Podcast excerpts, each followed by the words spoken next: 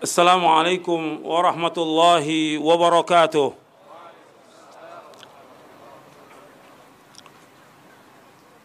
إن الحمد لله نحمده ونستعينه ونستغفره ونعوذ بالله من شرور أنفسنا ومن سيئات أعمالنا.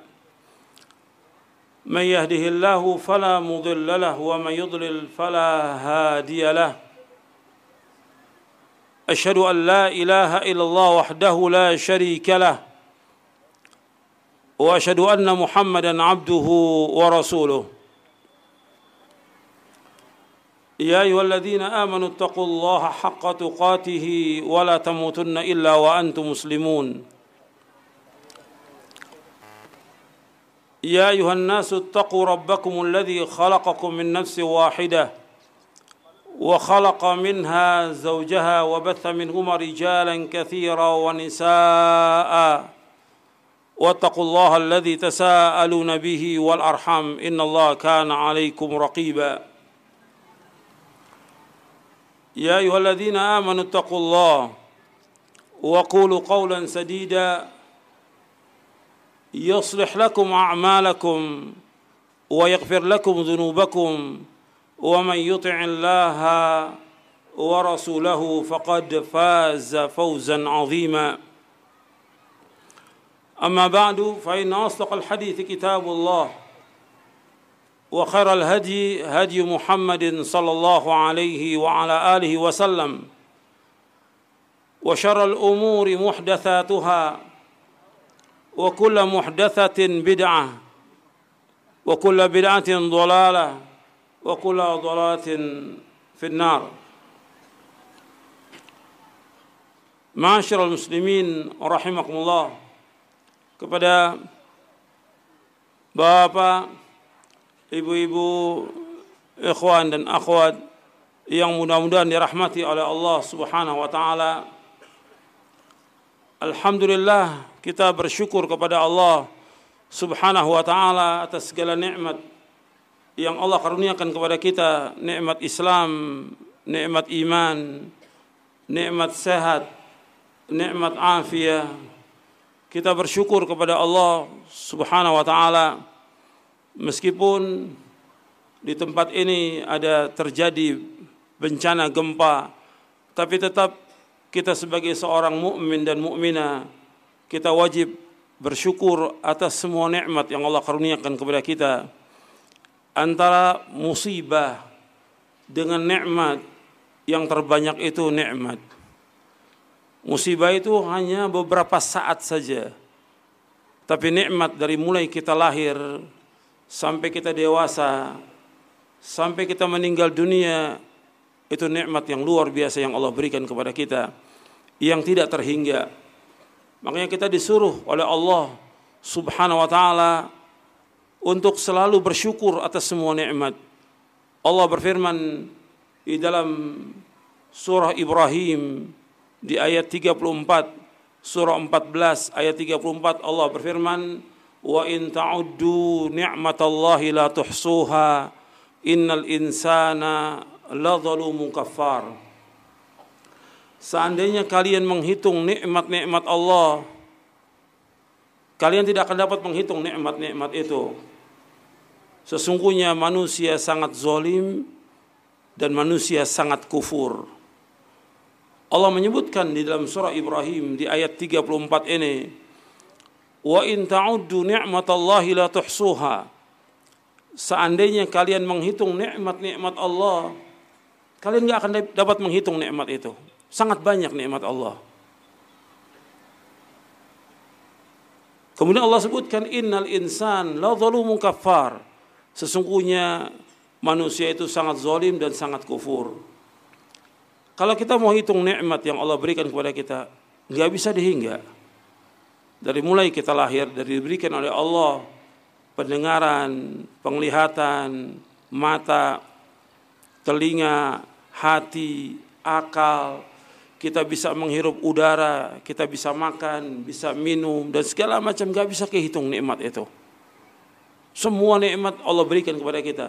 Dan apa yang kita peroleh dari mulai kita lahir sampai kita meninggal dunia semua datangnya dari Allah taala. Allah berfirman dalam surah An-Nahl, "Wa ma bikum min ni'matin famin Allah." Apa saja nikmat yang kamu peroleh itu semua dari Allah. Jadi semua nikmat itu datang dari Allah. Kita wajib bersyukur atas semua nikmat yang Allah karuniakan kepada kita.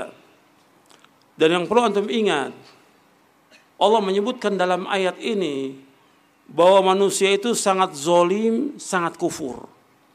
Antum ingat itu. Allah menyebutkan dengan wazan fa'ul sangat-sangat zolim manusia ini. Dan kafar sangat tidak berterima kasih. Manusia sangat zolim. Pertama zolim kepada Allah subhanahu wa ta'ala. Kalau kita lihat banyak manusia yang zolim kepada Allah dia tidak bersyukur, uh, dia tidak beribadah kepada Allah dengan sebenar-benar ibadah kepada Allah. Mereka berbuat syirik kepada Allah. Mereka menyekutukan Allah. Mereka memalingkan ibadah kepada selain Allah. Pada Allah yang menciptakan mereka. Pada Allah yang memberikan rezeki kepada mereka. Ini kezaliman. Makanya Allah menyebutkan dalam Al-Quran, dalam surah Luqman, Ya bunayya la tusyrik billah inna syirka la zulmun azim. Wahai anakku janganlah engkau berbuat syirik karena syirik itu kezoliman yang amat besar. Di muka bumi ini enggak ada kezoliman yang paling besar melainkan syirik. Menyekutukan Allah Subhanahu wa taala. Manusia banyak sekali yang berbuat zolim kepada Allah taala dengan beribadah kepada selain Allah dengan menyekutukan Allah. Dia beribadah kepada Allah, dia beribadah juga kepada selain Allah. Allah sangat murka. Ini zolim. Ada zolim yang lain yang kedua, yaitu manusia menzolimi dirinya dengan apa? Dengan banyak berbuat dosa dan maksiat kepada Allah Taala. Ini zolim. Makanya Allah katakan manusia sangat zolim karena manusia banyak berbuat dosa dan maksiat. Tidak bisa dihitung. Sampai ada seorang ulama salaf mengatakan kalau seandainya dosa itu berbau, nggak ada orang yang dekat dengan kita. Karena banyaknya dosa kita. Banyak dosa kita. Banyak kita berbuat maksiat kepada Allah Taala. Dosa-dosa, dosa-dosa besar banyak sekali. Yang dilakukan oleh manusia. Yang paling besar, ya syirik. Belum lagi durhaka pada orang tua. Belum lagi dia minum khamr, berjudi, berzina, makan riba dan yang lain. Sekalian banyak dosa yang dilakukan oleh manusia ini. Tidak terhitung. Dan akibat dosa sangat besar. Di antaranya juga Allah turunkan azab. Allah turunkan musibah dengan sebab dosa-dosa manusia. Makanya Allah sebutkan dalam Al-Quran ketika Allah menimpakan musibah atau azab disebabkan dosa mereka. Allah sebutkan dalam surah Asy-Syura di ayat 30 wa ma asabakum min musibatin fabima kasabat aydikum wa ya'fu an katsir apa saja musibah yang menimpa kalian dengan sebab dosa-dosa kalian tapi Allah banyak memberikan maaf kepada kalian artinya apa yang mengenai kita semuanya dengan sebab dosa dan maksiat Makanya kita wajib bertobat kepada Allah. Kemudian kezoliman yang ketiga yaitu kezoliman kepada hak orang lain, hak manusia. Jadi zolim kepada hak manusia. Apakah dia merobek kehormatannya, menuduh dengan tuduhan yang tidak benar, atau mengambil haknya, atau mengambil hartanya, atau dia hutang tidak bayar, atau dia pernah memukul, atau membunuh, ini hak berkaitan dengan hak anak Adam akan dituntut oleh Allah sampai hari kiamat nanti. Yang berkaitan dengan hak anak Adam akan dituntut sampai hari kiamat nanti. Ini kezoliman. Jadi kezoliman kepada Allah, kezoliman kita pada diri kita sendiri, yang ketiga kezoliman pada orang lain. Maka Allah sebutkan manusia sangat zolim. Kemudian manusia sangat kufur, manusia tidak terima kasih kepada Allah atas semua nikmat. Allah sudah berikan semua nikmat ini, nggak kehitung nikmat ini. Dari mulai kita lahir. Semua Allah sediakan ini semua di alam semesta untuk kita semuanya. Tapi banyak manusia tidak bersyukur. Banyak manusia yang tidak ibadah kepada Allah. Dia ngakunya Islam tapi dia nggak sholat. Dia nggak puasa. Dan yang lain banyak yang tidak bersyukur manusia ini. Kepada Allah Taala. Anak nggak syukur kepada orang tua. Seorang istri nggak syukur kepada suaminya. Seorang nggak syukur kepada orang-orang yang pernah berbuat baik. Murid-murid banyak yang tidak syukur kepada gurunya yang telah mengajarkan kebaikan kepada mereka. Nggak syukur. Maka Allah katakan manusia ini kafar. Sangat kufur. Tidak terima kasih. Makanya kita wajib bersyukur atas semua nikmat. Sebab Allah menyebutkan dalam surah Al-Baqarah dan juga beberapa surah yang lainnya. Inna Allah ladhu fadlin ala nasi walakinna aktaran nasi la yashkurun. Inna Allah ladhu fadlin ala nas walakin aktsara nasi la yashkurun. Sesungguhnya Allah punya keutamaan kepada seluruh manusia, tapi kebanyakan manusia tidak bersyukur. Allah menyebutkan aktaran nas. Kebanyakan manusia tidak bersyukur kepada Allah SWT. Makanya kita wajib bersyukur atas semua nikmat yang Allah karuniakan kepada kita. Syukur atas semua nikmat itu. Makanya Nabi SAW mengajarkan kepada sahabat Mu'ad bin Jabal radhiyallahu an. Nabi mengajarkan apa kepada Mu'ad? Ya Mu'ad, la tada'anna dubura kulli salatin an taqul Allahumma a'inni ala dzikrika wa syukrika wa husni ibadatik. Wahai Mu'ad, jangan kau tinggalkan di belakang setiap salat Berarti setiap salat yang wajib itu jangan kau tinggalkan untuk mengucapkan Allahumma a'inni ala dzikrika wa syukrika wa husni ibadatik. Ya Allah, tolonglah aku untuk selalu ingat kepadamu. Untuk selalu berzikir kepada Allah. Wa syukrika dan bersyukur kepada Allah. Wa husni ibadatik. Dan memperbaiki ibadah. Hadis ini sahih diriwayatkan Imam Ahmad, Abu Dawud, Tirmizi dan yang lainnya. Di dalam hadis ini kita minta tolong kepada Allah. Minta tolong apa? Agar kita ditolong oleh Allah untuk selalu berzikir kepada Allah. Kita nggak akan mampu untuk selalu berzikir dan ingat kepada Allah kecuali dengan pertolongan Allah Taala. Karena manusia tidak punya daya dan upaya. Manusia tidak punya kekuatan apa-apa. Manusia sangat lemah dan Allah ciptakan manusia sangat lemah. Wa khilqal insanu dha'ifa. Makanya nggak boleh ada manusia yang sombong, nggak boleh. Kita ini sangat lemah dan Allah menciptakan kita semuanya dari air mani yang hina. Dari air mani yang hina. Mimma immahin Allah sebutkan dalam Al-Quran. Dari air mani yang hina. Kita ini nggak punya apa-apa. nggak punya kekuatan apa-apa. Kita sangat lemah. Makanya kita minta tolong kepada Allah agar Allah menolong kita untuk selalu ingat kepada Allah. Karena manusia banyak yang lupa kepada Allah Taala. Ingat kepada Allah dan berzikir terus kepada Allah Taala. Termasuk antum jangan lupa untuk selalu berzikir setiap waktu. Apakah baca subhanallah walhamdulillah wala ilaha illallah Allah akbar la haula wala quwwata dalam setiap keadaan. Bersalawat kepada Rasulullah sallallahu alaihi wasallam. Zikir.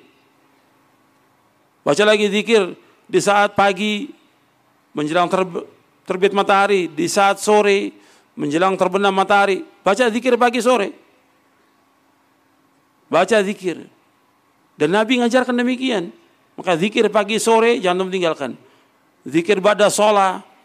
Zikir-zikir yang lain terus berzikir kepada Allah Taala. Bahkan ada kalimat yang Allah cintai.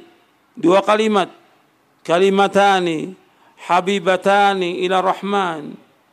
Khafifatani ala lisan. Thaqilatani fil mizan Subhanallah wa bihamdi subhanallahil azim. Ada dua kalimat yang dicintai Allah Ar-Rahman. Dia ringan untuk diucapkan tapi berat timbangannya di hari kiamat yaitu subhanallah wa bihamdi subhanallahil azim. Antum juga nanti baca ini zikir sore. Ini semua yang hadir sudah hafal ya, zikir sorenya sudah hafal, zikir pagi sudah hafal. Sebagian kecil, apa ya. Ya nanti dihafal itu.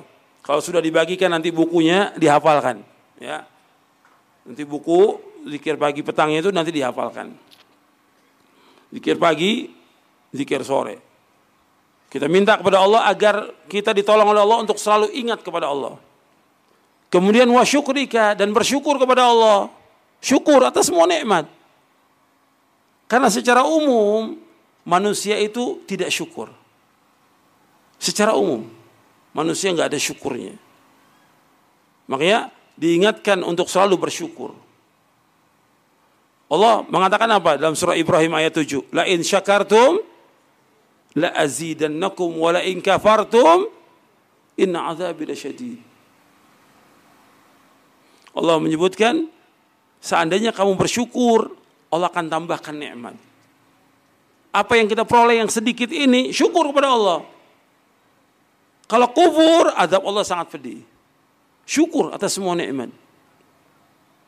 Kata Allah apa lagi dalam surah Al-Baqarah? Fadkuruni azkurkum washkuruli wala takfurun.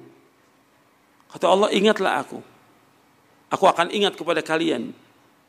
Dan bersyukurlah kalian kepada aku. Jangan kalian kufur. Syukur. Makanya syukur selalu kepada Allah.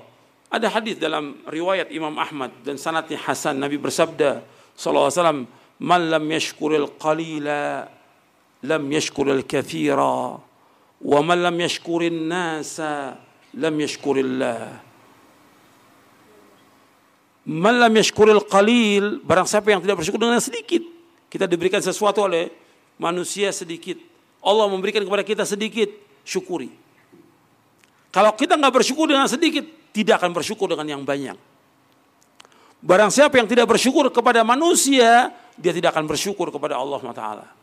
Syukur kepada orang-orang yang pernah berbuat baik kepada kita. Di sini kita minta kepada Allah agar kita menjadi orang yang bersyukur. Penting ini. Bersyukur, selalu bersyukur kepada Allah Subhanahu wa taala. Kemudian, yang ketiga apa? Wa husni ibadatik. Memperbaiki ibadah. Kan Allahumma inni ala dzikrika wa syukrika wa husni ibadatik. Ya Allah tolonglah aku untuk selalu ingat kepada engkau ya Allah. Berzikir. Jangan tinggalkan nih zikir. Yang kedua syukur kepada Allah. Syukur dengan apa? Dengan melaksanakan ketaatan-ketaatan kepada Allah dan menjauhkan perbuatan dosa maksiat syukur kepada Allah dengan melaksanakan ketaatan-ketaatan kepada Allah dan menjauhkan perbuatan dosa dan maksiat. Kemudian memperbaiki ibadah, ibadah kita harus kita perbaiki.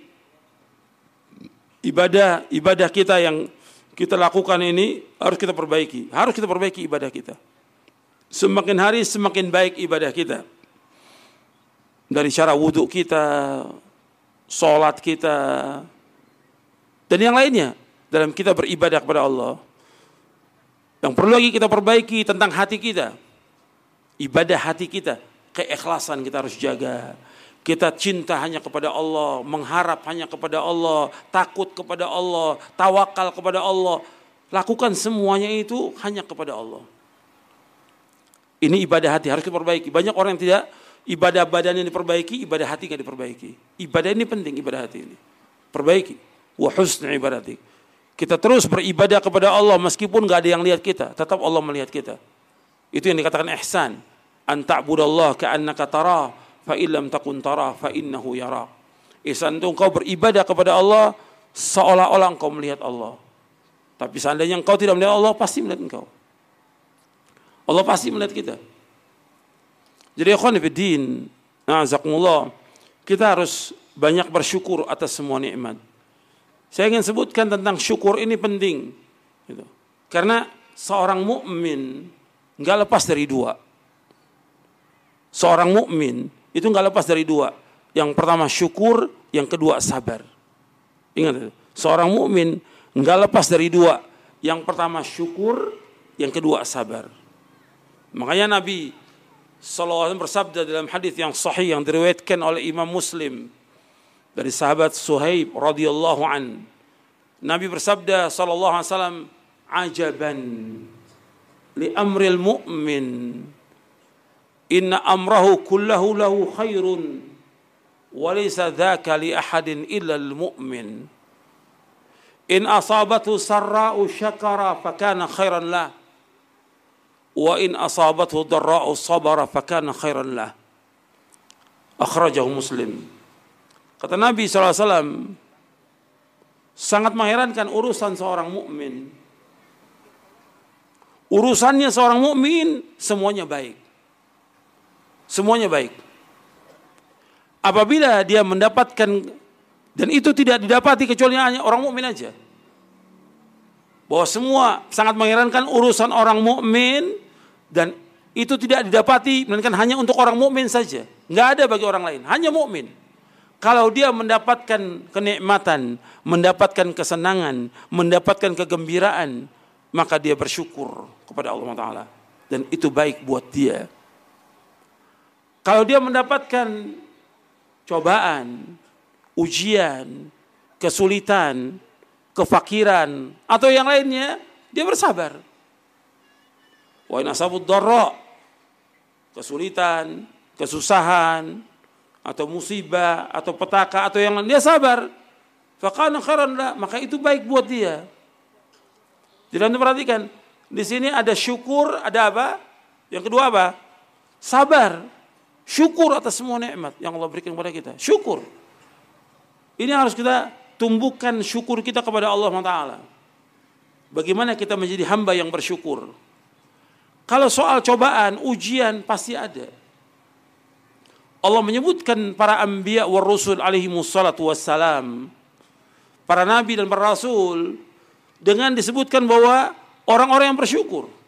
Semuanya. Mereka semuanya abdan syakuro. Hamba-hamba yang bersyukur kepada Allah. Tapi bagaimana para nabi dan rasul? Ada cobaan nggak? Para nabi ada cobaan nggak? Ada. Ada ujian apa tidak? Ada dosa apa tidak nabi? Saya tanya dulu, ada dosa apa tidak? Para nabi, para rasul, mereka masuk. Nggak berdosa. Kalau kita banyak dosa apa tidak? Kita banyak dosa. Para nabi, para rasul, mereka nggak berdosa, tapi tetap dicoba, diuji oleh Allah SWT. Mereka hamba yang bersyukur kepada Allah SWT. Syukur. Cobaan ujian pasti menyertai seorang mukmin. Nggak mungkin tidak. Makanya yang ditonjolkan dulu pertama kali syukur dulu kepada Allah Taala. Syukur. Setelah itu kau dapat cobaan, ujian segala macam sabar. Sabar. Tetap kita harus sabar atas semua cobaan ujian. Harus sabar. Tapi kalau kita bandingkan nikmat yang Allah berikan kepada kita, nggak terhitung nikmat itu dibandingkan dengan musibah yang Allah berikan kepada kita. Sambil contoh, contoh banyak sekali. Yang pertama, sambil contoh, Islam kita. Allah memberikan karunia kepada kita Islam. Nikmat atau tidak? Nikmat. Kalau seandainya ada orang yang dia tidak masuk Islam, tidak masuk Islam, dia kafir, kemudian meninggal dalam keadaan kafir, tempatnya di mana? Neraka. Hidup di dunia ini nggak lama, 60 sampai 70 tahun, atau seandainya pun lebih sedikit. Tapi ketika dia kafir sampai akhir hayatnya, dia akan disiksa dalam neraka jutaan tahun. Jutaan tahun yang tidak terhingga jutaan tahun. Makanya kita bersyukur kepada Allah diberikan nikmat apa? Islam. Ini nikmat ini nggak bisa dibayar dengan sepenuh bumi emas nikmat ini. Nikmat Islam nggak bisa dibayar dengan sepenuh bumi emas. Nggak bisa dibayar. Makanya orang-orang kafir ketika mereka masuk ke dalam neraka, mereka mengatakan, "Ya Allah, kembalikan kami di dunia, kami akan tebus dengan sepenuh bumi emas." Bisa apa tidak? Enggak bisa. Jadi mereka ingin keluar dari neraka enggak bisa. Yuriduna yakhruju minan nari wa ma hum bikharijina minha walahum adzabun muqim kata Allah.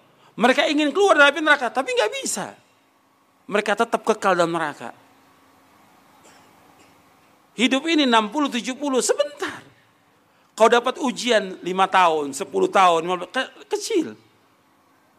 Maka nikmat Islam ini wajib kita syukuri. Ini nikmat yang besar. Nggak bisa dibandingkan dengan semua yang ada seisi bumi ini. Sampai sini paham gak ya? Paham gak ya? Paham ya? Nikmat Islam itu nikmat lebih dari semua nikmat yang ada yang Allah berikan kepada manusia. Islam.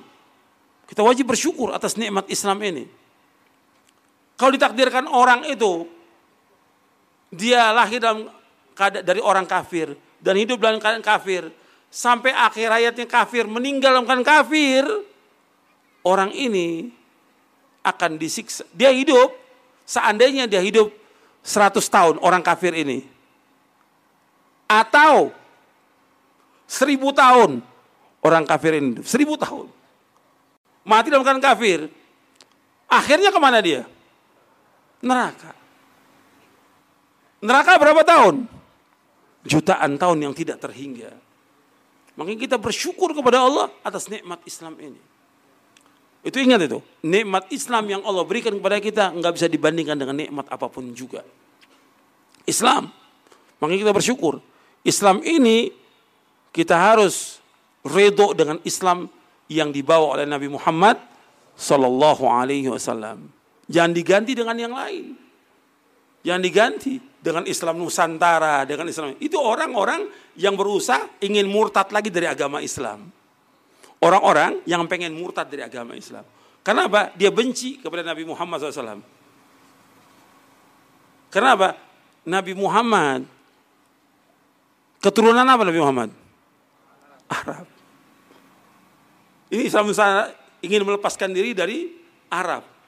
Nabinya orang Arab. Nabi Muhammad SAW.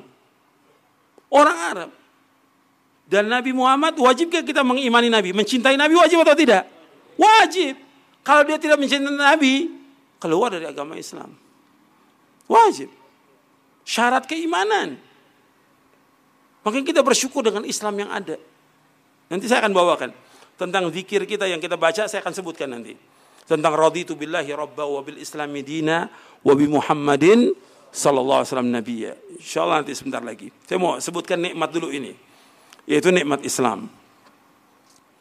Kemudian yang kedua, nikmat sunnah. Nikmat apa?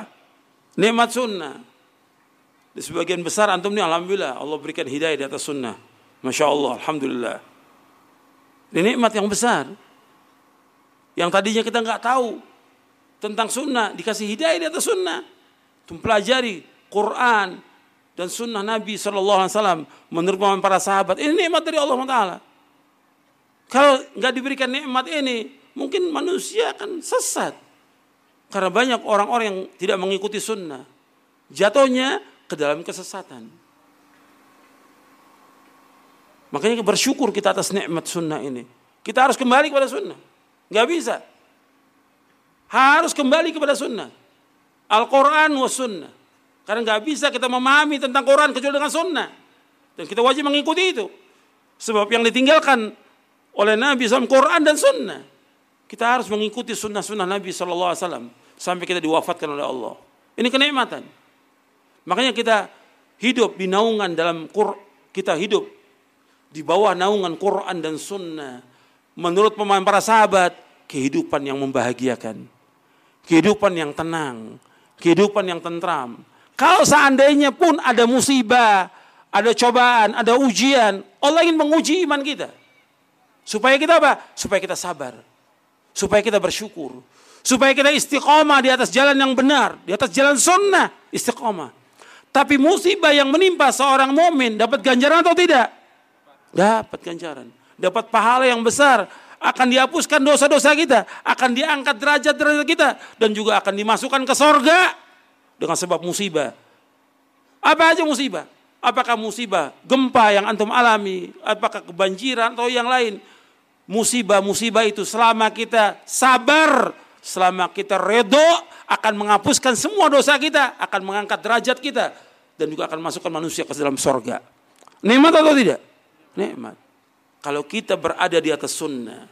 Ketika orang nggak berada di sunnah, dia akan terus mengeluh, berkeluh kesah, marah, tidak redo.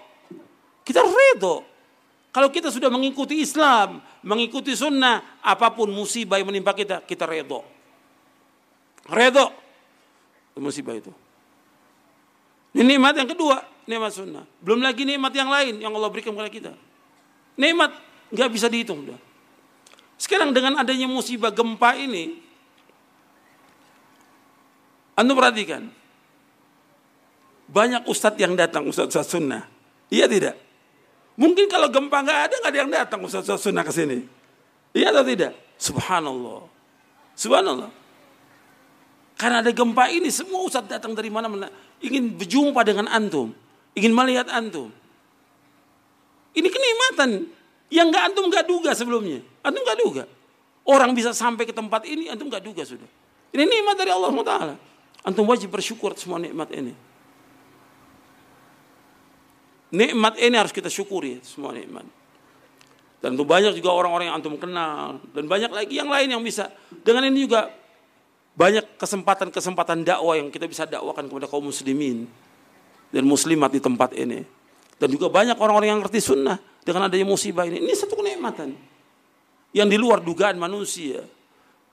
Jadi makanya ketika Allah mendatangkan musibah atau apa, itu semua penuh dengan hikmah.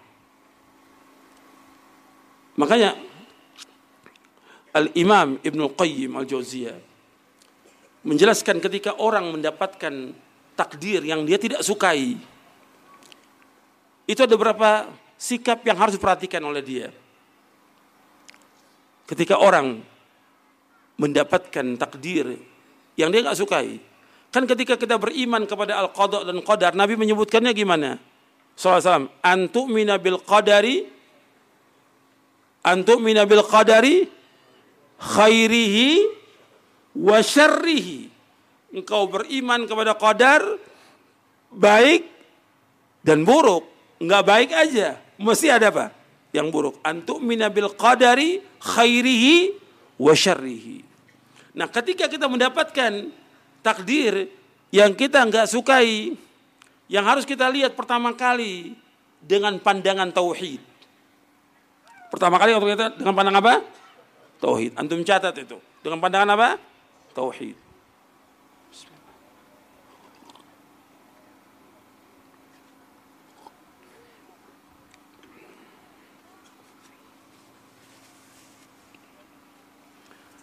Yang harus kita ingat di sini, bahwa kita sebagai seorang hamba wajib untuk mentauhidkan Allah Subhanahu wa taala. Karena apa? Karena Allah yang menciptakan kita. Allah sebagai Khalik, Allah sebagai Razik, Allah sebagai Malik, Allah mudabbir, muhyi, mumit, sebagai rububiyah Allah. Allah yang menciptakan. Allah memberikan rezeki kepada seluruh makhluk ini. Di langit dan di bumi dan di antara keduanya. Allah yang memiliki langit dan bumi. Allah yang mengatur alam semesta. Allah menghidupkan. Allah mematikan.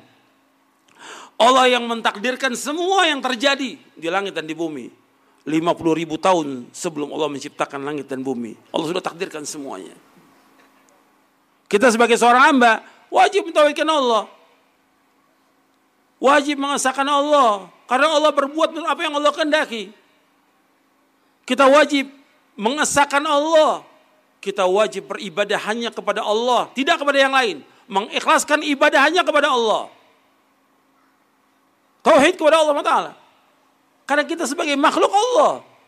Dan Allah yang menetapkan semuanya. Dan Allah tidak pernah zalim kepada hambanya. Tidak pernah zalim. Ini yang pertama kita wajib mentauhidkan Allah Taala.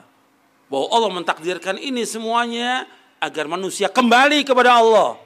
Kembali kepada Allah, bertaubat semuanya atas semua dosa, kembali kepada Allah, mengikhlaskan ibadah hanya kepada Allah, tidak kepada yang lain. Makanya kita kita disuruh berdoa kepada siapa? Langsung kepada Allah. Enggak pakai perantara, langsung kepada Allah. Allah mengatakan, "Wa qala rabbukum qala rabbukum ud'uni astajib lakum. Innal ladzina yastakbiruna ibadati sayadkhuluna jahannam dakhirin.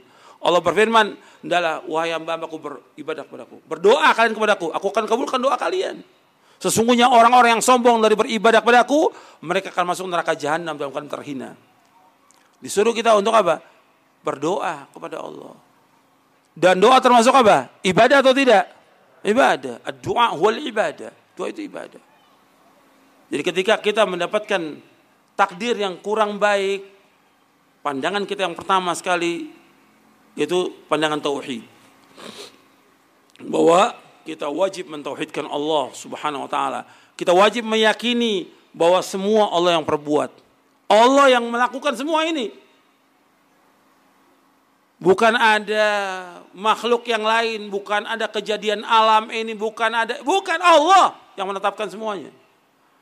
Kejadian yang di langit di bumi semua Allah yang tetapkan. Allah yang lakukan. Allah fa'al lima yurid. Allah berbuat apa yang Allah inginkan. Kita ingat tuh. Kita wajib mengesahkan Allah. Allah maha tunggal. Gak ada yang lain. Gak ada bahwa ini kejadian karena ini, karena ini. Gak ada. Allah yang berbuat. Allah yang kendaki terjadi seperti ini. Dan apa yang Allah kendaki semuanya baik buat hambanya. Yang kedua pandangan bahwa Allah itu maha adil. Yang kedua, kita mandang bahwa Allah adil. Allah nggak pernah zalim kepada hambanya. Allah nggak pernah buat zalim kepada hamba, nggak pernah. Allah wama wama Allah bidzalamil abid. Allah nggak pernah zalim kepada hambanya. Wama rabbuka bidzalamil abid. Dan Allah nggak pernah zalim kepada hambanya. Sama sekali nggak pernah. Sampai Allah dalam hadis kursi mengatakan, Ya ibadi inni haramtu zulma ala nafsi wa ja'altu bainakum muharraman fala tadzalamu.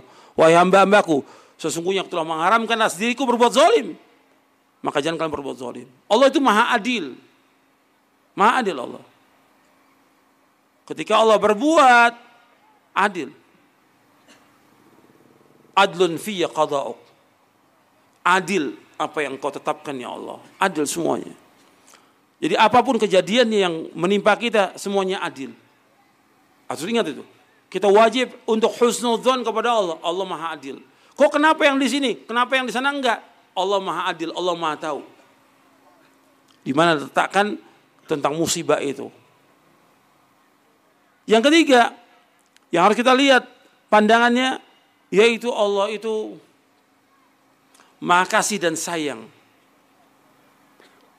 Sayang Allah kepada hamba-hambanya. Allah kepada orang-orang beriman, kepada kaum muslimin, Allah sayang. Sayang. Itu harus kita ingat tuh. Kan kita baca setiap kali Bismillahirrahmanirrahim. Allah Ar-Rahman, Allah Ar-Rahim. Allah Arhamur Rahimin. Allah zat yang paling sangat sayang kepada hamba-hambanya. Harus kita ingat itu. Allah Maha sayang. Dan apa pun yang terjadi di alam semesta ini menimpa kaum muslimin, tetap kita harus husnuzon kepada Allah bahwa Allah itu maha sayang kepada hambanya. Maha sayang kepada hambanya.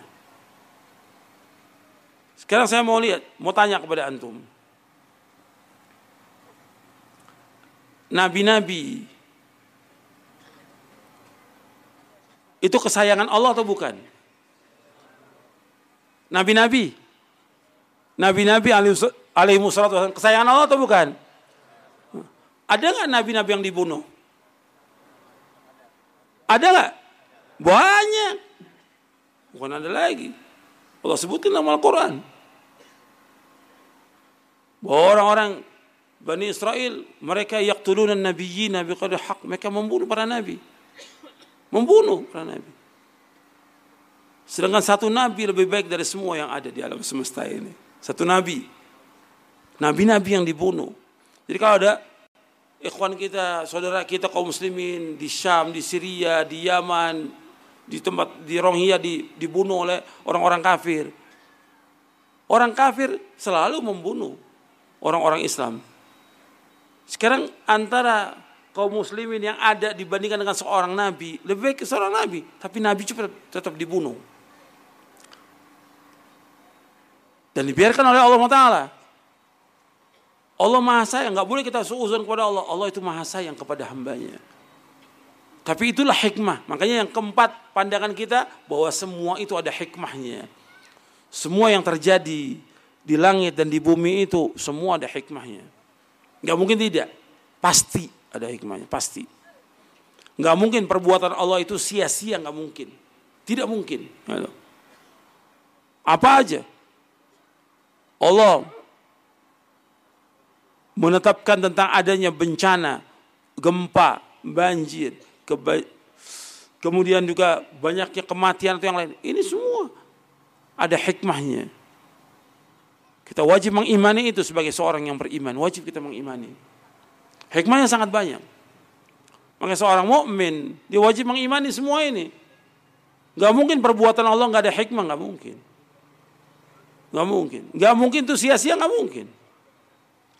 Jadi kita harus memahami tentang hikmah Allah Subhanahu wa taala terhadap semua ciptaannya dan semua perbuatan Allah dan semua apa yang Allah takdirkan baik atau buruk.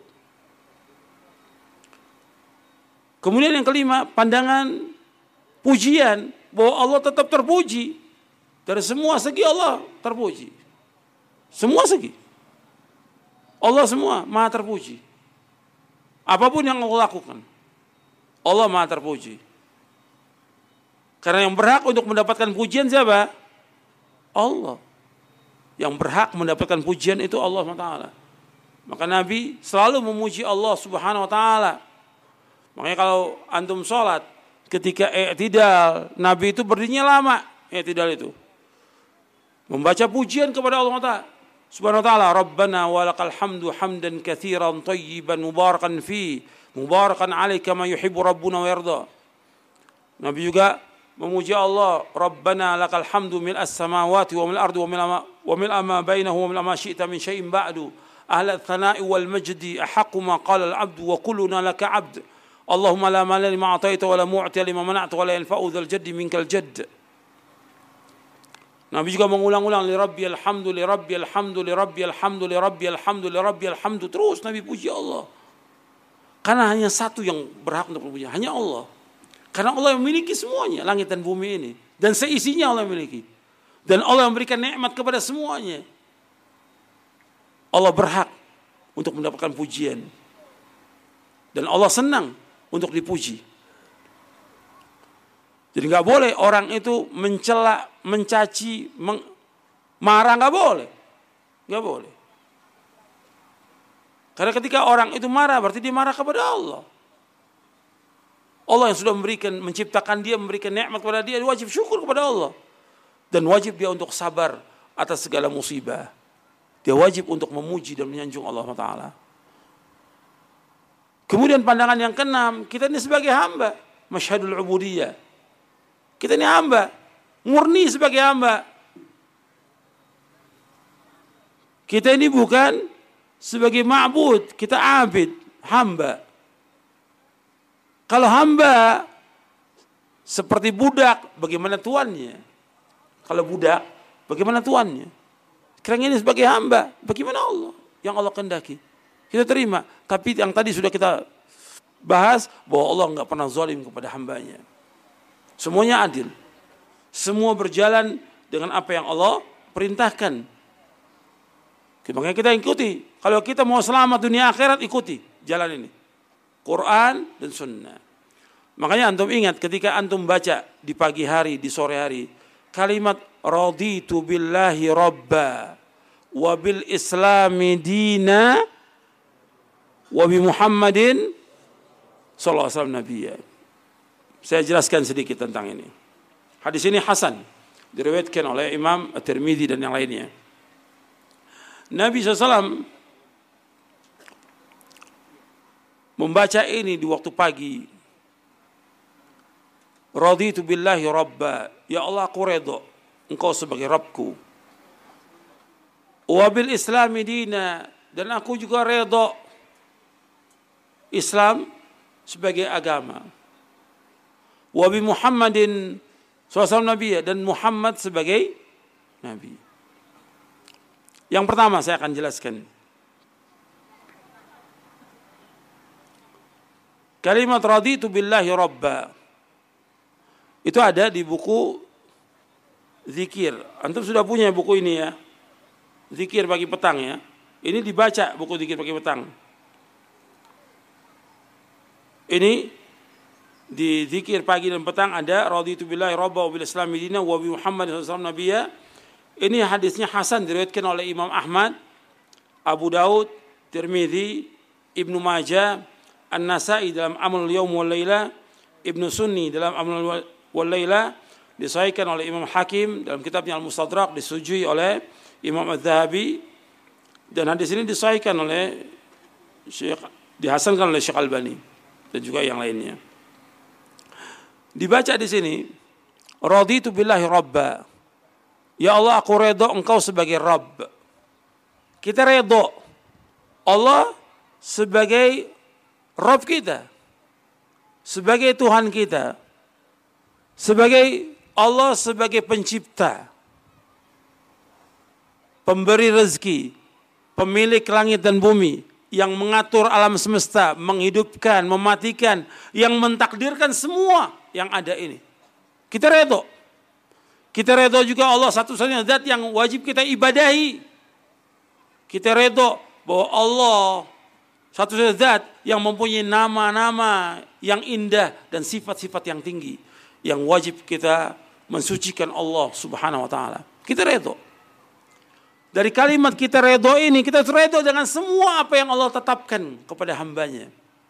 Apa yang Allah putuskan kepada hambanya. Wajib kita redo. Dengan hukum-hukum yang ada juga kita wajib redo. Ini harus redo. Kalau kita sebagai seorang Islam, kita wajib redo. Kalau kita wajib redo kepada Allah, kita wajib untuk beribadah hanya kepada Allah saja. Mengikhlaskan ibadah kepada Allah. Kita wajib mentauhidkan Allah. Kita wajib menjauhkan segala macam perbuatan syirik. Redo kepada Allah. Karena semua milik Allah ini langit, bumi, semua milik Allah. Seluruh makhluk ini milik Allah. Allah berbuat apa saja yang Allah kehendaki. Tapi ingat bahwa Allah itu maha adil. Allah nggak pernah zalim kepada hambanya. Allah itu maha kasih dan sayang kepada hambanya.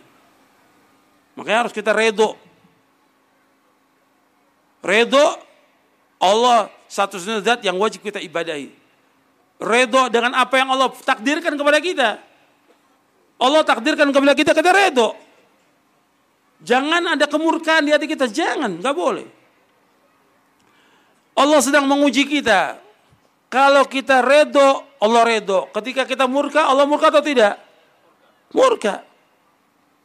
Di dalam satu hadis yang diriwayatkan oleh Imam At-Tirmidzi dari sahabat Anas radhiyallahu an Nabi bersabda SAW inna idhamal jaza ma idhamil bala wa inna allaha idza ahabba qauman ibtalahum faman radiya falahu ridha wa man sakhita falahu sakhat.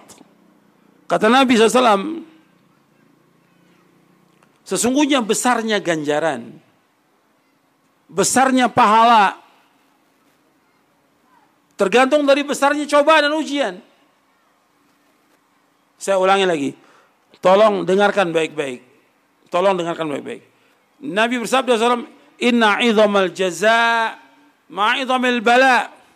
Sesungguhnya besarnya ganjaran, besarnya pahala, tergantung dari besarnya apa? Cobaan, ujian yang kita terima. Wa inna Allah Ta'ala idha habba qawman ibtalahum. Sesungguhnya Allah Ta'ala apabila Allah itu redo atau apabila Allah mencintai satu kaum, Allah uji mereka. Jadi Allah apabila mencintai satu kaum, Allah uji. Pas ada ujian, nggak mungkin tidak. Tadi sudah saya sampaikan kepada antum, nabi-nabi dicintai oleh Allah atau tidak? Dicintai dan disayangi oleh Allah. Makanya ujiannya banyak para nabi. Antum lihat para nabi, ujiannya berat. Apalagi Nabi Muhammad SAW. Sayyidul Anbiya ujiannya berat, cobaannya berat ujiannya. Allah cinta masukkan akan diuji. Kemudian Nabi mengatakan SAW, Faman radhiya falahu ridha. Barang siapa yang redho, maka Allah akan sakhita falahu sakhat. Barang siapa yang murka, maka Allah juga murka kepada orang itu. Maka jangan antum marah. Ketika dapat cobaan, ujian gempa, sampai roboh rumah kita, jangan marah. Jangan. Ini Allah yang memberikan cobaan. Allah nggak ada ikut campur sama setengah di tangan manusia tidak. Allah yang kendaki. Dan di balik itu ada pahala yang besar, ganjaran yang besar, dihapuskan dosa, diangkat derajat. Bahkan kalau dia sabar dan redho akan dimasukkan ke mana? Ke sorga. Makanya para ulama pernah mengatakan al-masaibu ni'mah. Para ulama mengatakan al-masaibu ni'mah. Musibah-musibah itu nikmat. Kenapa dikatakan musibah itu nikmat? Karena menghapuskan dosa. Menghapuskan dosa. Mengembalikan kita yang tadinya kita banyak dosa, banyak durhaka, banyak kesombongan, dikembalikan kita kepada ketawadu, ketundukan, kehinaan hanya kepada Allah. Yang tadinya kita ini orang-orang yang jahat kembali dengan cobaan dan ujian itu. Kita hamba nggak punya apa-apa, nggak punya kekuatan apa-apa. Kembali kepada Allah. Itu nikmat. Al-masaibu ni'mah. Makanya perhatikan. Hadis ini diriwayatkan oleh Imam Tirmidzi. Hadis ini hasan. Jadi disebutkan besarnya ganjaran, besarnya pahala tergantung dari apa? Cobaan, ujian. Masih dapat cobaan, nggak mungkin nggak. Manusia pasti dapat cobaan. Pasti dapat ujian. Sampai dalam hadis yang sahih yang diriwayatkan oleh Imam Bukhari, Nabi bersabda SAW, "Man yuridillahu bi khairan yusib minhu." Barang siapa yang dikehendaki Allah kebaikan padanya akan diberikan ujian oleh Allah. Pasti ujian itu ada. Tapi ujian itu akan mendapatkan apa? Ganjaran. Menghapuskan dosa. Sampai apa pun yang mengenai seorang mukmin apa aja itu menghapuskan dosa. Dosa kita ini banyak. Maka dengan cobaan ujian ini alhamdulillah terhapus dosa kita selama kita sabar dan saya ulangi lagi akan dihapuskan dosa kita selama kita sabar dan redho sabar dan redho perhatikan itu jadi besarnya ganjaran tergantung dari besarnya cobaan ujian. Ujian, cobaan kepada kita itu akan menghapuskan dosa kita. Ada satu hadis Nabi SAW yang sahih yang diriwayatkan oleh Imam Bukhari dan Muslim.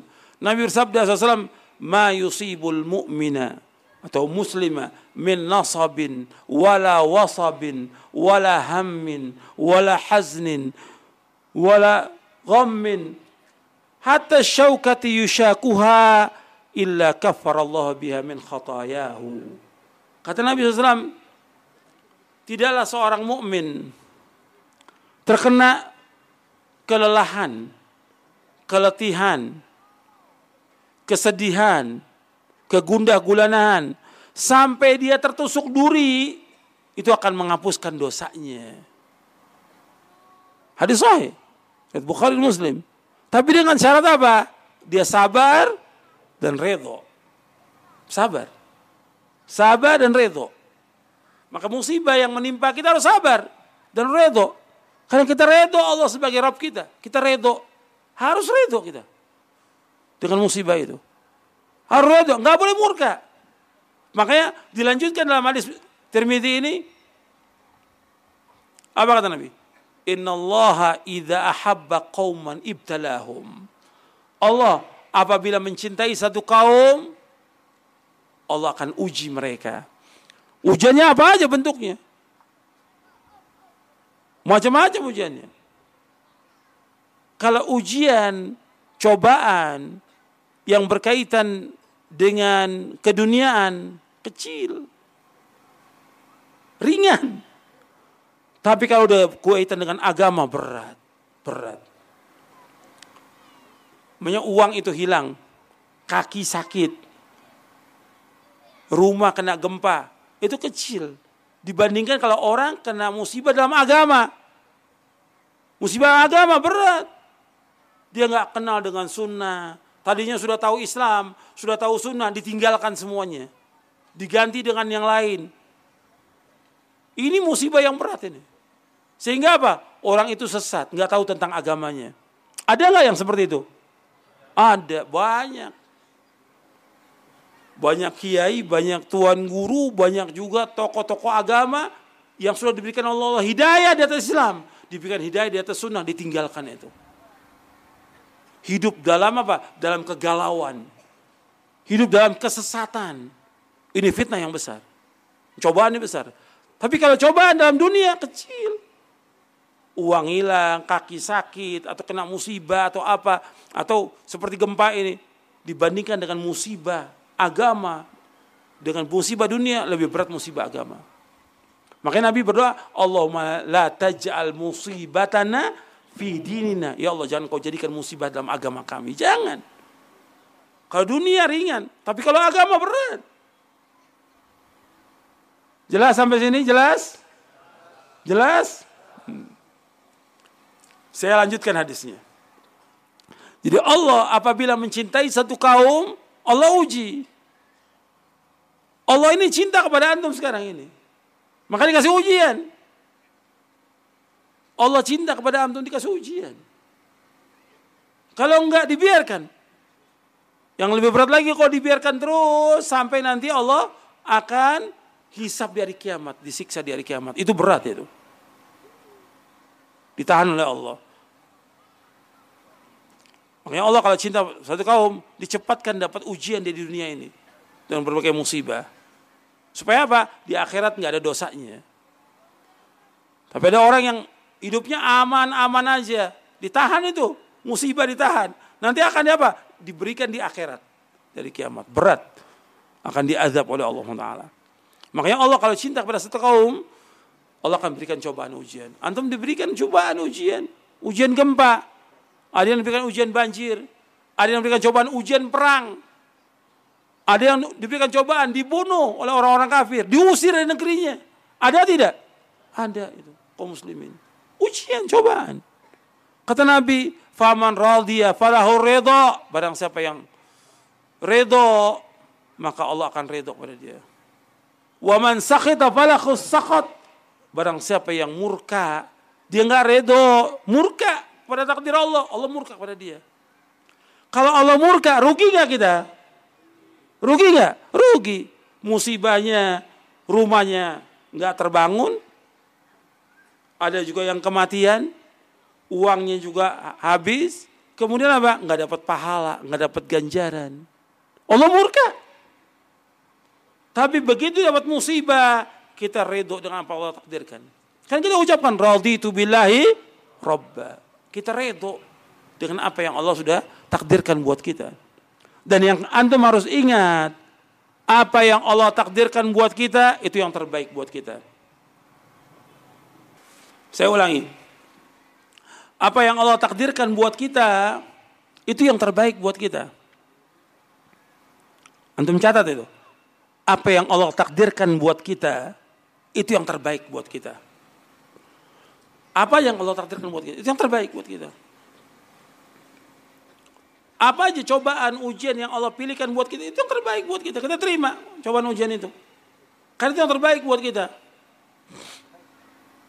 Jadi kita harus menerima apa yang Allah sudah takdirkan buat kita.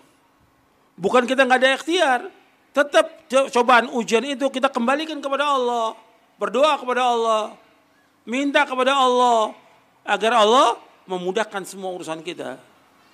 Umay dapat cobaan penyakit, bukan kita diam, ada ikhtiar atau tidak?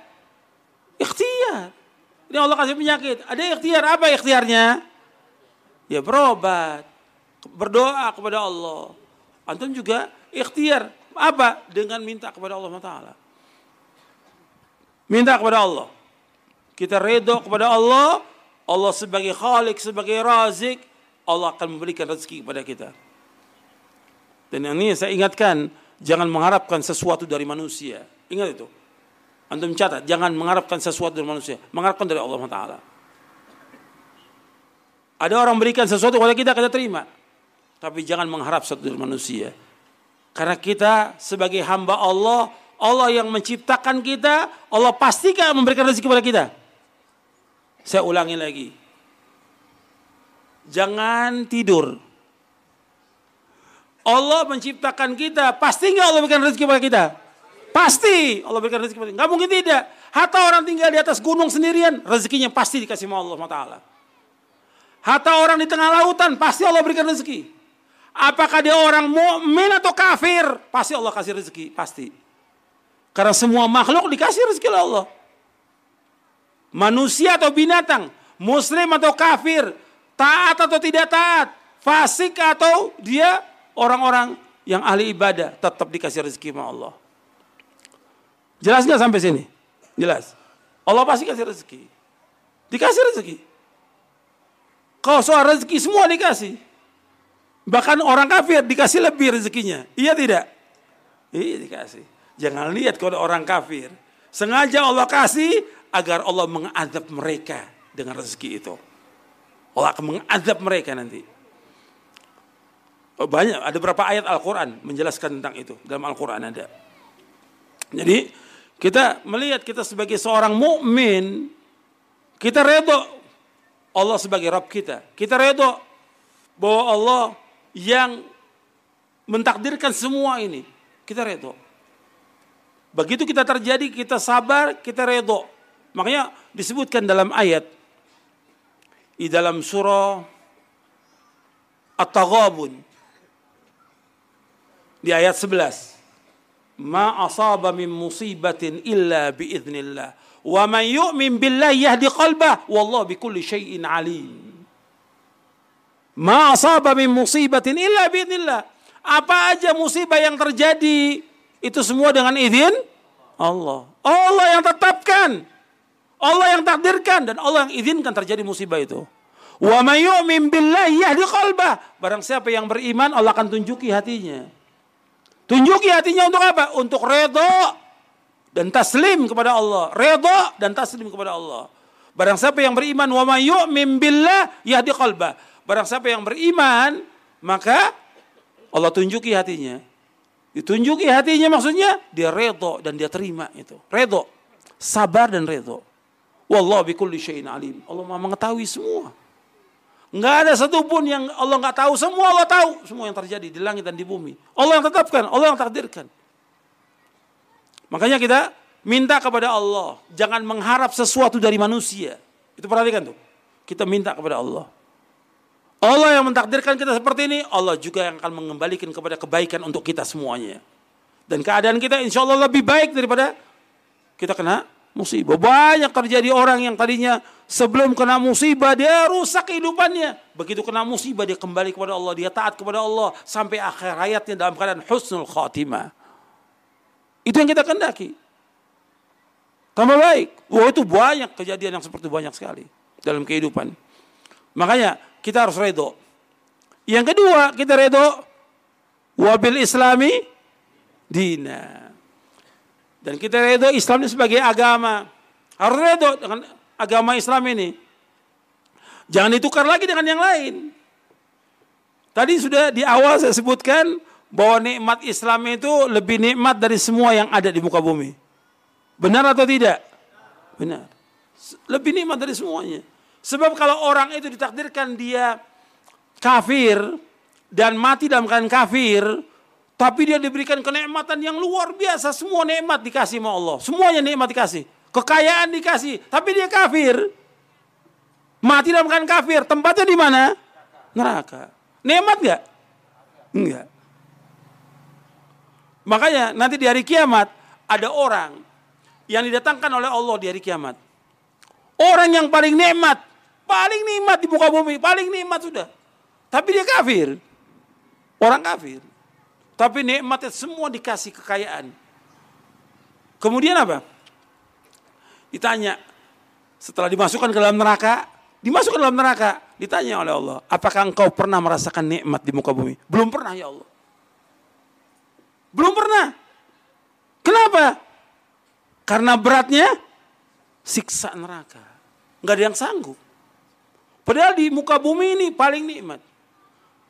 Yu'ta bi an'ami ahli dunia kata Nabi. Dia akan datangkan dari kiamat orang yang paling nikmat sudah. Tapi dia kafir. Kemudian didatangkan lagi orang yang paling susah, paling susah, paling fakir, paling susah. Tapi dia taat kepada Allah. Dimasukkan oleh Allah ke dalam sorga. Karena taat dia dimasukkan oleh sorga. Setelah masuk ke sorga ditanya oleh Allah, engkau pernah nggak merasakan kesulitan di muka bumi? Belum pernah ya Allah. Belum pernah. Padahal susah luar biasa hidupnya taat, susah susah yang luar biasa, fakir yang luar biasa, tapi taat kepada Allah Taala. Taat kepada Allah. Ketika dimasukkan ke sorga, pernahkah engkau merasakan kesusahan di muka bumi? Belum pernah ya Allah, belum pernah. Karena apa? Dibandingkan dengan apa?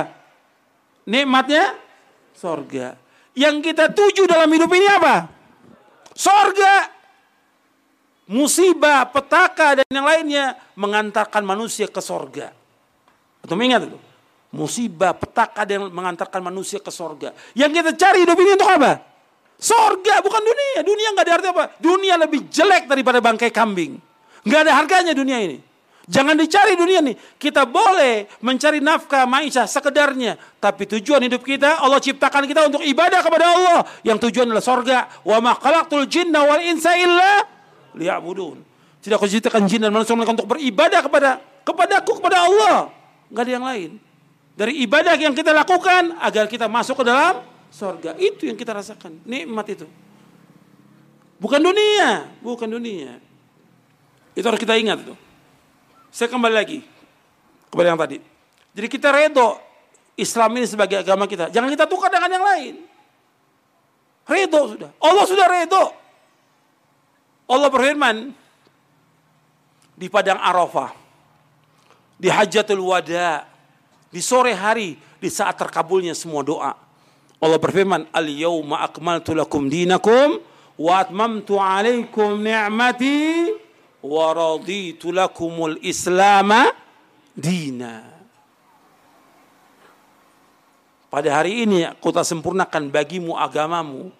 Aku tak cukupkan nikmatku atasmu dan aku ridho Islam menjadi agama agama bagimu. Ridho Allah sudah. Makanya kita katakan raditu billahi rabba wa bil islami dan kita udah ridho. Makanya nggak boleh cari agama selain Islam. Ini harus kita tempuh agama Islam ini. Agama kebahagiaan, agama kenikmatan.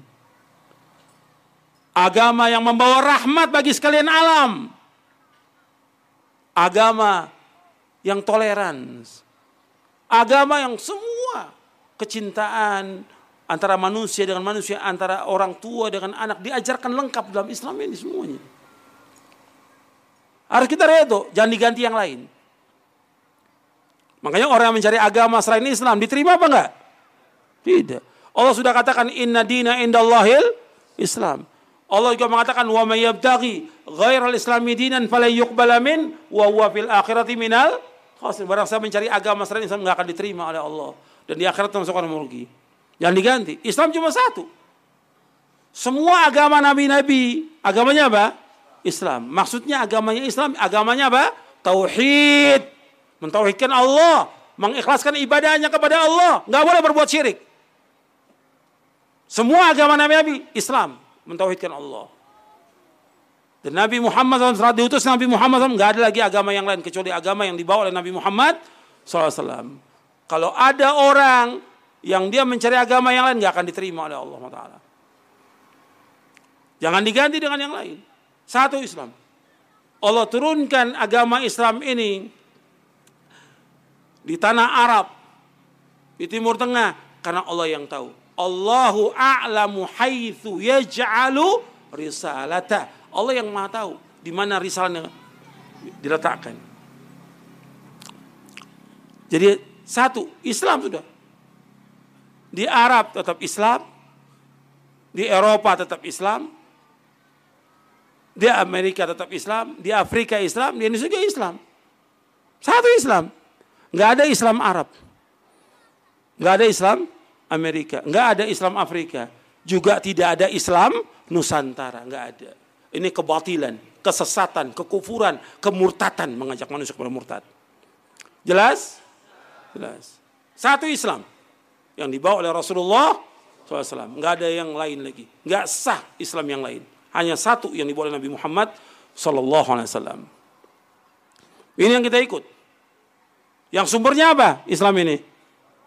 Quran dan Sunnah. Menurut Pemahaman salafus soleh. Enggak ada yang lain. Quran dan sunnah. Kalau keluar dari Quran, ya bukan Islam. Keluar dari sunnah bukan Islam. Mau dirubah dengan Nusantara. Supaya apa? Supaya menjaga kebiasaan manusia untuk menyembah kepada selain Allah. Tujuannya apa? Supaya melanggengkan dan melestarikan kesyirikan di muka bumi ini. Tujuannya ini kesesatan, kekufuran, kemurtatan. Jelas? Jelas. Jadi kita udah redo Islam sebagai agama kita. Redo Islam. Kita raditu billahi rabba wa bil islami dina. Sekarang wa bi Muhammadin SAW nabiyya. Tadi tentang Islam, tentunya Islam mesti ada dasar, ada dalil. Kita nggak boleh mengamalkan Islam kecuali dengan apa? Dengan dalil. Islam dengan dalil. Dalilnya apa? Dalilnya apa?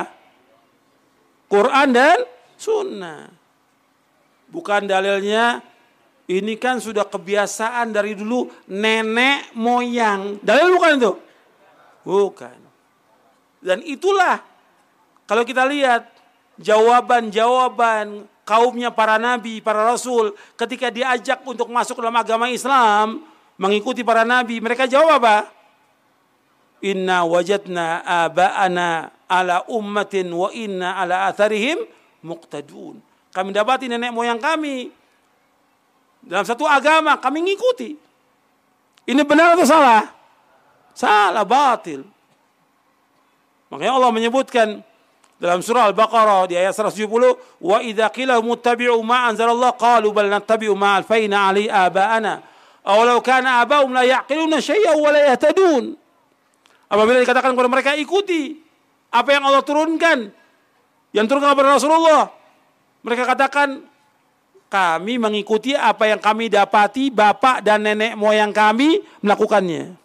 Kata Allah, apakah mereka akan ikuti mereka juga? Bapak dan nenek moyang mereka. Meskipun mereka tidak berpikir dan mereka tidak mendapatkan petunjuk.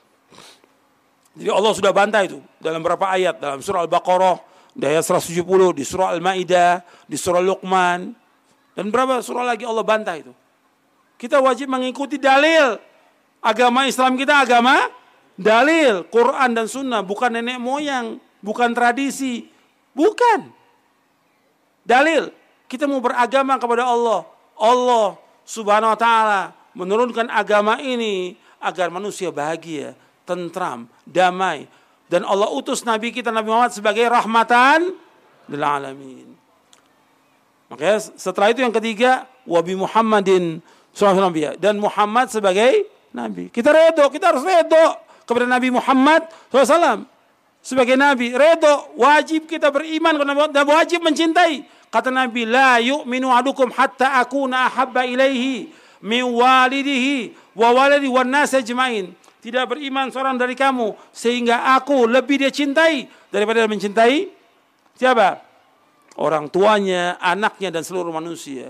Wajib mencintai Nabi Muhammad SAW. Bagaimana konsekuensi mencintai Nabi Muhammad SAW? Kita redo bahwa Nabi Muhammad sebagai Nabi kita. Bagaimana konsekuensinya? Manggil Nabi apa selawat-selawat dikeraskan atau bagaimana? Wajib apa? Wajib kita untuk mentaati Rasulullah. Wajib kita itibak Rasulullah. Wajib kita untuk beribadah menurut apa yang disyariatkan oleh Rasulullah SAW. Itu baru mencintai Rasulullah SAW. Katanya redok pada Rasulullah. Kalau orang ikut Rasulullah. Di muka bumi ini hanya satu manusia yang wajib kita ikuti. Siapa? Dalam kita beragama. Rasulullah SAW. Satu manusia, Rasulullah SAW. Kita ikuti. Bagaimana mengikutinya? Dengan mengimani beliau. Mentaati beliau. Kemudian itiba kepada beliau. Kita wajib menjauhkan apa yang beliau larang. Dan kita wajib beribadah menurut apa yang beliau syariatkan. Jelas sampai sini? Jelas. Jadi Rasul kita Muhammad Sallallahu Alaihi Wasallam wajib kita ikuti. Kalau kita cinta kepada Allah, dan kita cinta kepada Nabi Muhammad, kita wajib mengikuti beliau.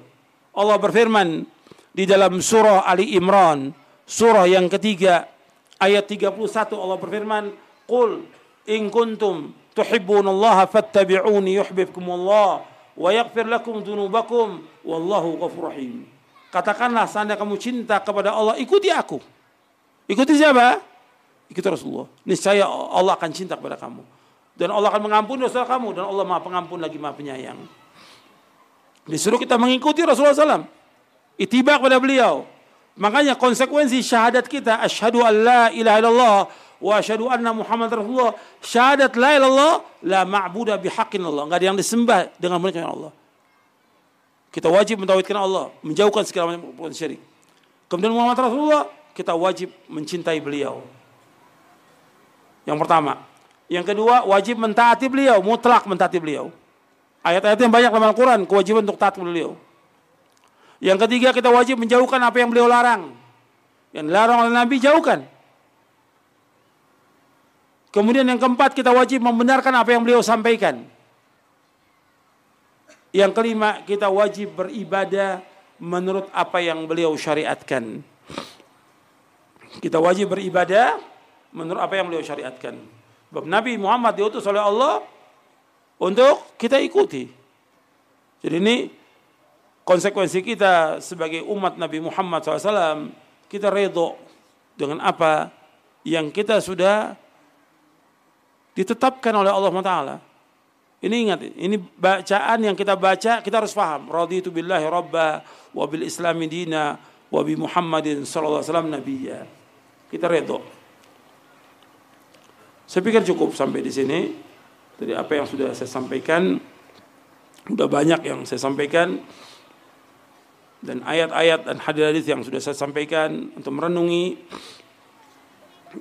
bahwa kita intinya kita sebagai hamba Allah Subhanahu wa taala kewajiban kita adalah untuk beribadah kepada Allah Subhanahu wa taala dan ibadah kita syukur termasuk ibadah kepada Allah, sabar juga termasuk ibadah. Di saat kita senang, di saat kita gembira mendapatkan nikmat, kita tegakkan yaitu ibadah syukur kepada Allah. Di saat kita cobaan, ujian, yaitu kita sabar. Mudah-mudahan yang saya sampaikan ini bermanfaat untuk saya, untuk Bapak, Ibu sekalian dan seluruh yang hadir mudah-mudahan Allah SWT redha kepada kita menghapuskan dosa-dosa kita dan menunjukkan kita ke jalan yang lurus dan menggantikan apa yang kita alami dari musibah mendapatkan kebaikan dan hikmah yang besar mendapatkan ganjaran dan pahala yang besar dari Allah Subhanahu wa taala. Wassalamu nabiyina Muhammadin sallallahu alaihi wa alihi wasallam wa akhiru da'wana alhamdulillahi rabbil alamin.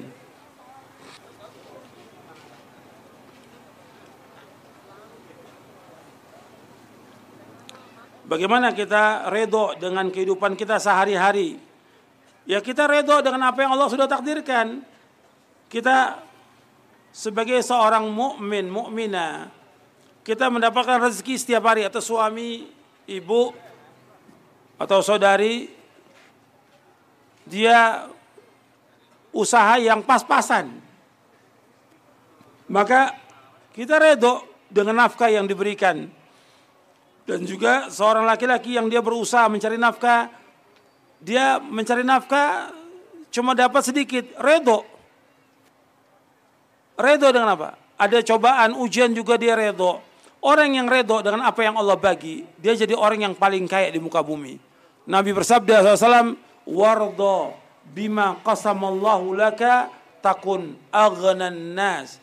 Adalah kamu redo terhadap apa yang Allah berikan kepada kamu, maka kamu jadi orang yang paling kaya di muka bumi ini.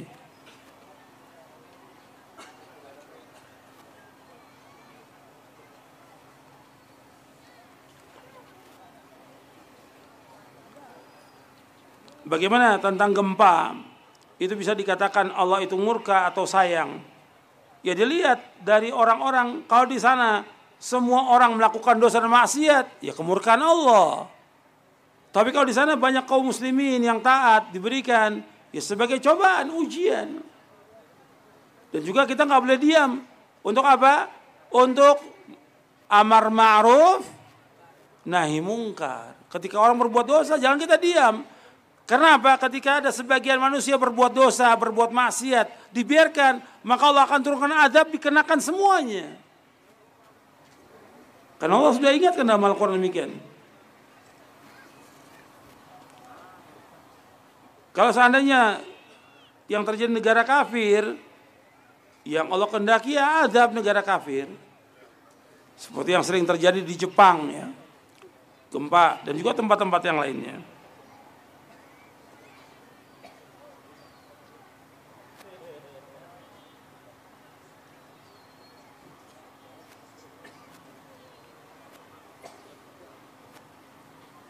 Bagaimana orang mengatakan bahwa pekerjaan ini adalah pekerjaan sebagai tumpuan hidup saya? Apakah perkara ini boleh? Ya, dia jelaskan bahwa ini sebagai mata pencarian saya. Soal yang memberikan uh, rezeki itu hanya Allah yang memberikan rezeki. Yang memberikan nikmat itu hanya Allah Subhanahu wa taala.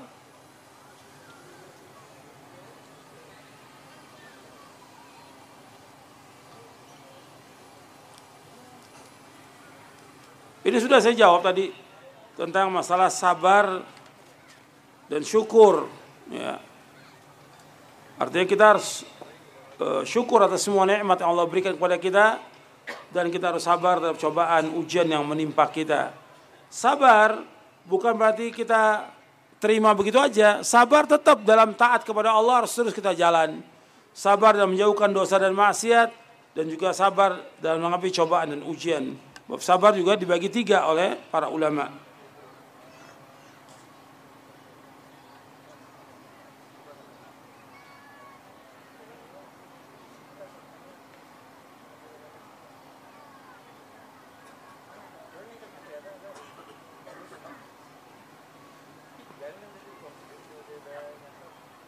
Masjid adalah tempat yang sangat tenang.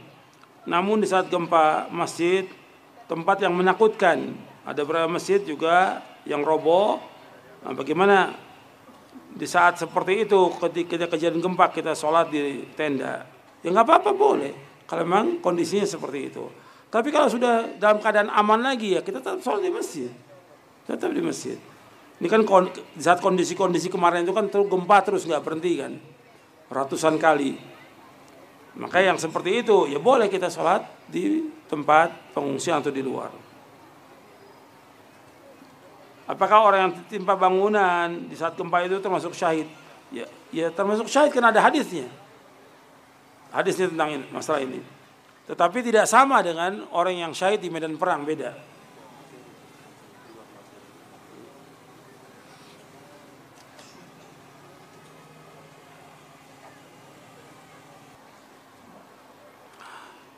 Apakah boleh orang sholat Jumat kurang dari 40 orang? Boleh. Cuma yang terbaik lebih banyak lebih bagus. Kalau di situ masjid jami itu semua bergabung di situ dengan masjid jami. Karena kita ingin lihat syiar agama ini bahwa para sahabat juga sholatnya di mana? Di Masjid Nabawi. Meskipun mereka juga punya musola, musola, musola, tetap gabung di Masjid Jami. Semakin banyak semakin bagus.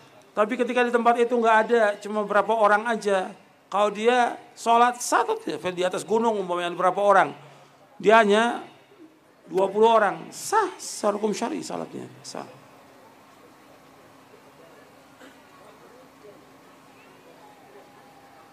Apakah rokok itu hukumnya haram? Ya haram. Kok pakai ditanya udah jelas haram? Apa pertanyaan antum ini ingin jadi halal? La haula wa la quwata illa billah. Tetap haram. Atau uang itu dipakai oleh pemerintah untuk apa? Tetap haram hukumnya rokok. Sebab Nabi Muhammad SAW datang mengalahkan semua yang baik dan mengharamkan semua yang jelek. Ya waktunya habis, cukup sampai di sini. Mudah-mudahan yang sedikit ini bermanfaat dan dapat diamalkan. Yang penting antum banyak berzikir kepada Allah dan yang belum berzikir sore antum zikir sore dan gunakan kesempatan untuk taat kepada Allah menjauhkan maksiat dan bertaubat atas semua dosa. Wabarakatuh. Subhanallahi bihamdik an la wa atubu ilaik. Assalamualaikum warahmatullahi wabarakatuh.